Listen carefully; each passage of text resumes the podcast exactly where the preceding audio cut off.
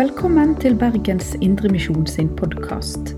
For mer informasjon om oss, besøk oss på betlehem.no, eller finn oss på Facebook og Instagram der som Bergens Indremisjon.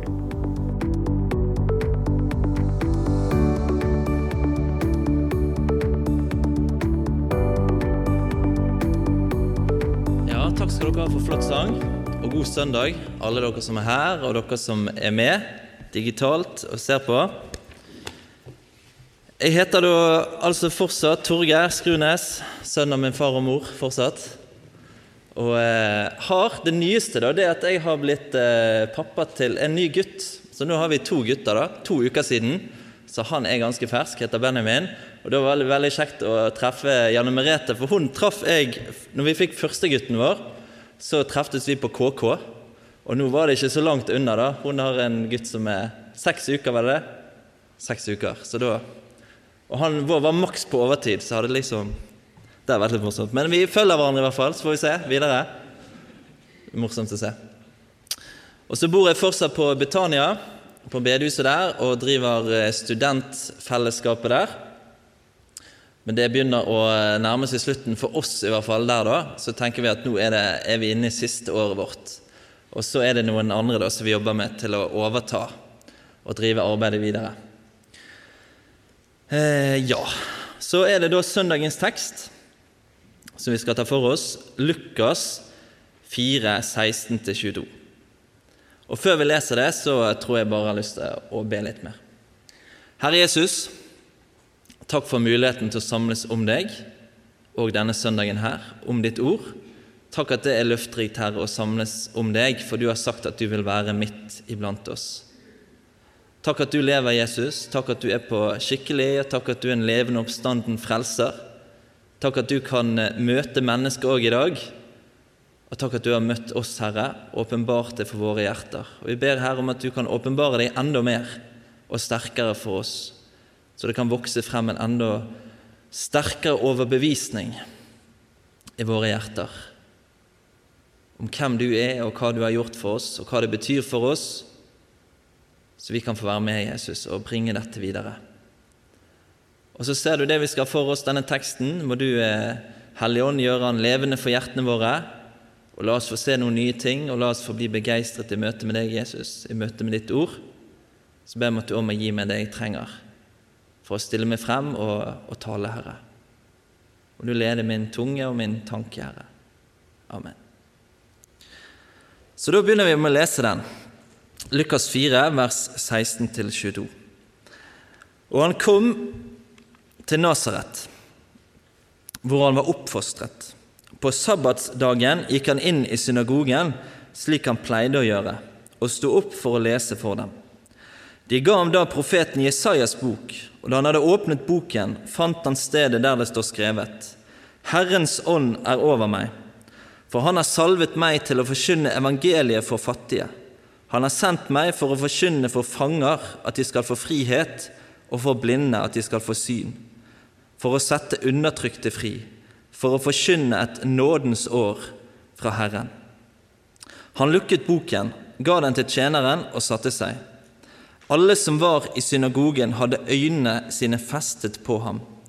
Han begynte så med å si til dem, I dag er dette Skriftens ord blitt oppfylt for ørene deres. Alle ga ham vitnesbyrd og undret seg over de nådens ord som lød fra hans munn, og de sa, Er ikke dette Josefs sønn? Og Når vi kommer her, så har Jesus allerede begynt sitt virke, litt som smått. Og etter, I begynnelsen av kapittel 4 så kan vi lese om når Jesus blir fristet i ørkenen. Og når han etter dette, etter de 40 dagene der i ørkenen, så begynte Jesus å virke i områdene rundt Genesaretsjøen. Og det står det i vers 14 og 15. I åndens kraft vendte Jesus tilbake til Galilea, og ryktet om ham kom ut over hele landet der omkring. Og han lærte i synagogene deres og ble prist av alle.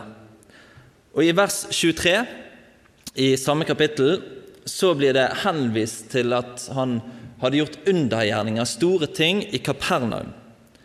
Så i denne perioden her så hadde Jesus da begynt sitt virke rundt Genesaretsjøen.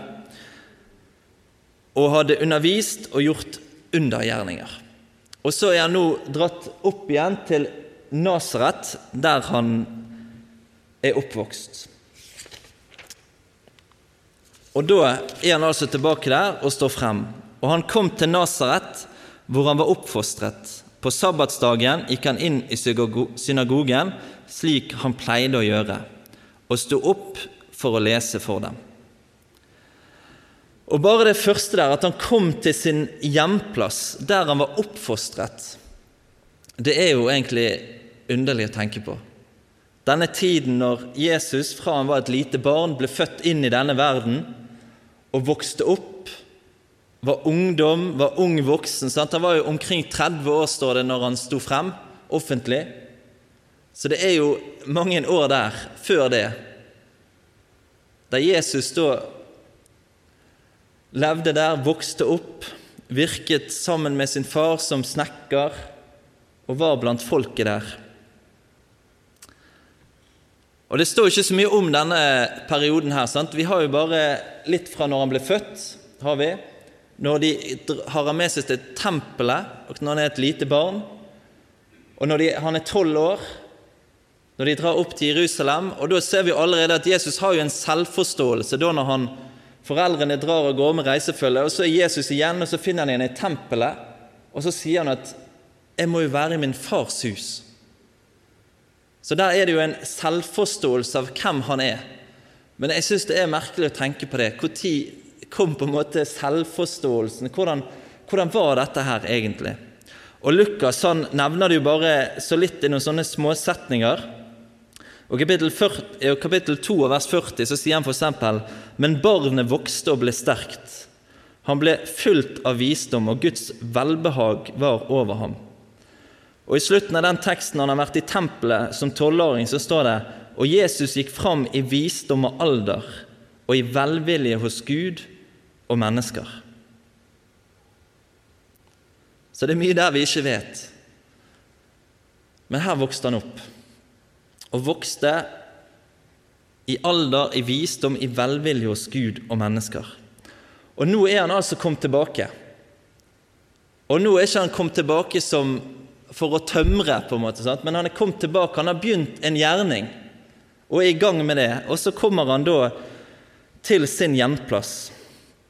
Og så går han i synagogen, og det er jo det neste som er fint å understreke, egentlig, som han pleide å gjøre på sabbaten. Altså Her er det tydelig sant, at når sabbaten kom, så var det noe han pleide å gjøre, og det var å gå i, sabbat, nei, i synagogen og være med i gudstjenesten der. Og Da er vi inne på dette med sånne hellige vaner. Noe som bare hører med, og som er viktig. Og Det er jo litt sånn jeg tenker nå, som eh, vi har snakket litt om hjemme med min mor og far, dette med etter korona at det er mange måte, vaner som trenger egentlig å bli gjenetablert. Nå etter korona, egentlig. For nå har vi på en måte kommet inn i noen andre vaner, mange av oss. Og kjenner på det, kanskje. Og vi, vi trenger egentlig da å jobbe for å, å gjenetablere vanen med å gå på møte søndags formiddag, delta i forsamlingen og være med i arbeidet i Guds rike der vi har byttet det ut kanskje med en del andre ting. Men det er viktig, og vi ser på Jesus. Han gjorde det som han pleide å gjøre. Og han var en av de som den dagen deltok i opplesning av Skriftene. Og Da var det sånn i synagogen som jeg har lest, at de alltid ble lest fra Mosebøkene, men så ble det òg i tillegg lest fra andre skrifter. Og Da var det andre som deltok, og Jesus var en av de som nå reiste seg opp og skulle være med og lese. Og så fikk han da profeten Jesaja, bokrullen. Og de ga ham da profeten Jesajas bok. Og da han hadde åpnet boken, fant han stedet der det står skrevet:" Herrens ånd er over meg, for han har salvet meg til å forkynne evangeliet for fattige. Han har sendt meg for å forkynne for fanger at de skal få frihet, og for blinde at de skal få syn, for å sette undertrykte fri for å forkynne et nådens år fra Herren. Og Når vi leser dette, her, så er det en fri gjengivelse av den greske oversettelsen av hebraisk GT, som blir kalt for Septuaginta. Og I tillegg også, er det også et innslag, en setning fra Jesaja 42, 7, om at blinde skal få syn. Og Det som òg er interessant, er at Jesus han stopper opp midt i et vers. Han leser fra Jesaja 61 og fra vers 1 til 2 og så stopper han der, halvveis i vers 2, der det videre står 'og en hevnens dag fra vår Gud'. Og Det gjør jo Jesus for å understreke hva som er på Guds agenda nå. Det er dette et nådens år fra Herren. Og så er jo dette som Jesus leser opp, det er jo på en måte Jesu programerklæring om hva han skal, hans virke i denne verden. Og Så tenkte jeg litt på noen bibelvers som på en måte understreker litt dette her. Og Det første er jo dette med evangeliet til de fattige. Og I Jesaja 55 og vers 1 så står det Nå vel, alle dere som tørster, kom til vannene. Og dere som ingen penger har, kom, kjøp og et. Ja, kom, kjøp uten penger og uten betaling, vin og melk. For et budskap til de som ingenting har. Her kan du komme og få alt for intet. Uten penger, uten betaling. Og så skal han forkynne frihet for fanger.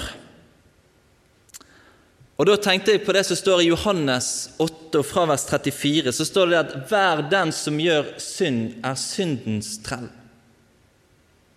Når Jesus er i samtale med med jødene, så er det det. Og de reagerer først med at vi har jo aldri vært trelle av noen. Vi er jo Abrahams barn, vi er jo frie. Og så sier Jesus da hva han tenker på. Jo, hver den som gjør synd, er syndens trell. Synd binder mennesker, og binder oss. Lager lenker. Og så fortsetter han med å si, men får da Sønnen frigjort dere, da blir dere virkelig fri. Og det er budskapet. Jesus bryter lenker. Han setter fri fra syndens makt, fra syndens lønn, fra syndens dom. Setter fanger i frihet. Og blinde skal få syn. Og da var det jo en del som fikk erfare det fysisk når Jesus vandret her på jorden. Og Et eksempel på det er jo denne blinde med med Jeriko, som er blind og roper på Jesus. Og Jesus stopper opp og spør, 'Hva vil du jeg skal gjøre for deg?' Og Herre, at jeg kunne få synet tilbake. Og så helbreder Jesus han, og så åpner han øynene hans. Og så står det videre i Bibelen, f.eks. Paulus, så beskriver han dette med hjertets opplyste øyne og ber for efeserne at at Gud må røre med dem, sånn at de får hjertets opplyst øyne, så de ser hvor rike de er, hva de har del i, og at det er noe som Gud må gjøre. Gi oss hjertets opplyste øyne.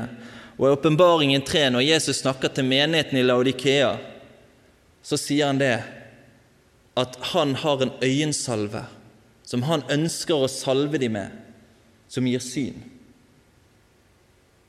som åpner øynene for hvem han er. Disse som hadde mistet synet av Jesus og hadde blitt opptatt av alt mulig annet. De som ikke ser, skal få syn, og undertrykte skal bli satt fri. Og Da tenkte jeg på den historien om denne kvinnen som var grepet i hor, og som de dro med seg, og skulle bruke hun som en måte å, å fange Jesus i ord. Og dro hun med seg, undertrykte hun, og så vet vi hvordan det ender. Jesus sier, 'Heller ikke jeg fordømmer deg. Gå bort og synd ikke mer.' Og etter at alle hadde gått bort, 'Hver den som er uten synd, kan kaste den første steinen', sa Jesus. Så gikk de bort én etter én. Han setter fri. Og et nådens år fra Herren. Og da tenkte jeg på f.eks. dette med, som står i Lukas 14 om det store gjestebudet der vi leser om denne som gjorde i stand et gjestebud. og alt var klart, og så gikk invitasjonen ut. Kom, for alt er ferdig. Kom. Til det som er ferdig, et nådens budskap, for ingenting, gratis. Alt er gjort i stand.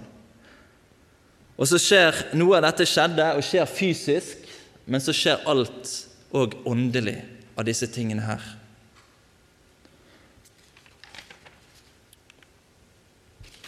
Og så det neste. Han lukket boken, ga den til tjenerne og satte seg. Alle som var i synagogen, hadde øynene sine festet på ham. Han begynte så med å si til dem, I dag er dette Skriftens ord blitt oppfylt for ørene deres. Så det Jesus gjør nå, det er å knytte Jesajas profetier som han nå har lest, til seg sjøl og sin gjerning i denne verden. Og Jesus bekrefter sjøl at han er oppfyllelsen av Gammeltestamentets Messias-profetier. Og det er jo noe som kobler oss til advent. Og dette er jo en adventstekst, og det er første søndag i advent. Og nettopp dette med oppfyllelsen av Skriftene, og det var jo fokus òg i starten når du leste fra disse profetiene, som er fine å ta opp nå i adventstiden. Og advent er jo satt sammen av ventetid å komme. Og når vi leser om folket på Jesus tid, og det er noe som Lukas har fokus på, det var jo nettopp dette at de ventet. F.eks. i kapittel 2, når vi leser om Simeon og Anna i tempelet, når de kommer med det lille Jesusbarnet for å bære frem offer, så møter vi jo først Simeon, som det står at han ventet på Israels trøst. Og han hadde fått åpenbart av Den hellige ånd at han skulle få se Herrens Messias før han døde. Med bakgrunn i alle løftene så ventet han på Israels trøst. Så hadde han i tillegg fått vite det og fått beskjed av Den hellige ånd om at han skulle få oppleve dette. Han skulle få møte Messias. Og så står det at den dagen så var han drevet av ånden til tempelet. Og så møter han Josef og Maria med dette lille barnet, og så forstår han momentant hvem dette er. Og tar barnet i armene sine og priser Gud. Og sier at 'nå kan du la din tjener fare herfra i fred' etter ditt ord, for mine øyne har sett din frelse, som du har beredt for alle folks åsyn til frelse for alt folk, en herlighet for ditt folk Israel. Mine øyne har sett din frelse. Og når det skjer, i etterkant av det, så møter vi òg Anna, 84 år gammel dame, som står at tjente Gud i faste og bønn. Og så står hun frem og lovpriser Gud. Og taler og går videre og priser Gud for hans frelse, som dette lille barnet som nå er født inn i denne verden, Messias. Og så står det at hun dro derfra videre og talte til alle om dette, som ventet på forløsning for Jerusalem. At nå hadde hun sett Messias med egne øyne. Og så står det òg i kapittel 3 om folket at de gikk nå i forventning og i sitt hjerte grunnet alle på om Johannes kanskje skulle være Messias. Så det skildres på en måte at det var en sånn forventning, en sånn ventetid. De ventet på at Gud skulle gripe inn og oppfylle sine løfter. Og så er Simon og Anna to av disse som fikk oppleve dette, som tok imot Jesus som den han er. Og det syns jeg når jeg leser om dem, at det er en utrolig viktig lærdom. At Simon og Anna tok imot Jesus som den han er, og de fikk dette åpenbart for sine hjerter. Det er utrolig merkelig å tenke på sant? at der, og når han holder Jesus i armene sine, så bare skjønner han dette lille barnet her, det er Guds frelse til verden og for meg. Nå kan jeg fare herfra i fred, for jeg har sett det med egne øyne at nå har løftene gått i oppfyllelse. Og så kunne de bryte ut i lovsang og takk til Gud. Og så står egentlig dette da i en veldig kontrast til folket i Nasaret. Og I vers 22 så står det alle ga ham vitnesbyrd og undret seg over de nådens ord som lød fra hans munn, og de sa, Er ikke dette Josefs sønn? Og Så kan vi lese videre i kapittelet hvordan dialogen fortsetter mellom Jesus og de i synagogen. Og det ender faktisk med det at alle i synagogen blir så sint på Jesus at de driver han ut der, driver han til kanten av et fjell der ved Nasaret med tanke om å skubbe han utfor. Og så står det men han gikk midt gjennom flokken og dro bort. At Jesus han hadde, selv om han hadde en hel folkemengde rundt seg som ville han vondt, så var det jo klart at det var ikke tiden for det. Og Jesus bare gikk. Hadde makt over situasjonen. Men det det illustrerer for oss, syns jeg, denne her kontrasten, det er jo nettopp det at budskapet om Jesus det skaper òg et skille. Og tar vi inn over oss vi mennesker, det Jesus sier om seg sjøl, så er det noe vi må ta stilling til. For Jesus han sier det om seg sjøl at han er veien, sannheten og livet. Han er eneste veien til Far. Og når, når eh, Johannes, evangelisten Johannes skriver om det i sitt første brev, så sier han jo det at 'den som har Sønnen, har livet'. Og den som ikke har Guds sønn, har ikke livet. Og det må vi ta stilling til.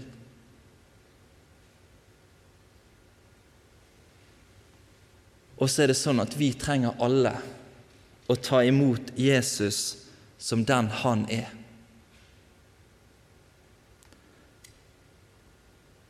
Det er vår redning. Og så et siste til slutt. For det var jo nettopp dette som Jesus understreker, at det som er nå, det er at det forkynnes et nådens år fra Herren. Et velkommen. Kom. Invitasjon.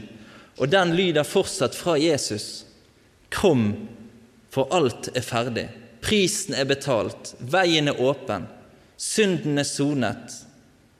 Hvert eneste menneske kan få legge av sin synd og bli ikledd Jesu rettferdighet. Hans fullkommenhet. Frelsen ligger klar i Jesus for alle mennesker. Og det er fortsatt nådens år og nådens tid. Men så er det òg det at en dag oppfylles òg siste del av Jesaja 61.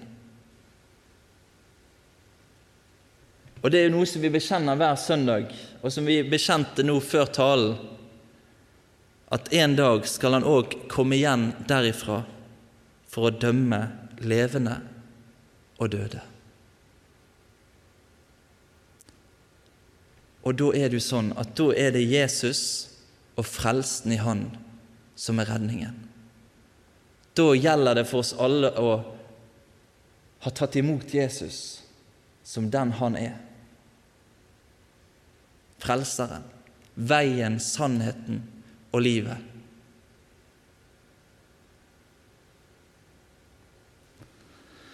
Herre Jesus, takk for at du er redningen.